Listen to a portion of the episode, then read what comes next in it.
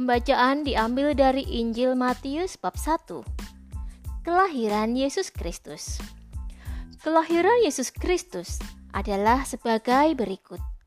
Pada waktu Maria ibunya bertunangan dengan Yusuf, ternyata ia mengandung dari Roh Kudus sebelum mereka hidup sebagai suami istri.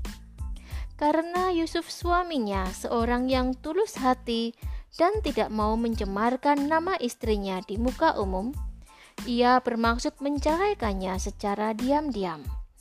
Tetapi ketika ia mempertimbangkan maksud itu, malaikat Tuhan nampak kepadanya dalam mimpi dan berkata, "Yusuf, anak Daud, janganlah engkau takut mengambil Maria sebagai istrimu, sebab anak yang di dalam kandungannya adalah dari Roh Kudus." Ia akan melahirkan anak laki-laki, dan engkau akan menamakan dia Yesus, karena dialah yang akan menyelamatkan umatnya dari dosa mereka. Hal itu terjadi supaya genaplah yang difirmankan Tuhan oleh Nabi.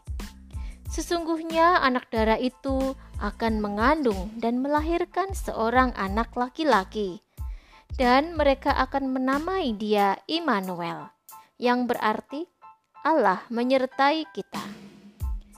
Sesudah bangun dari tidurnya, Yusuf berbuat seperti yang diperintahkan malaikat Tuhan itu kepadanya.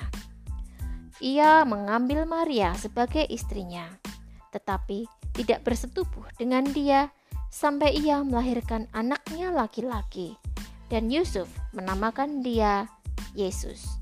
Demikianlah Injil Tuhan.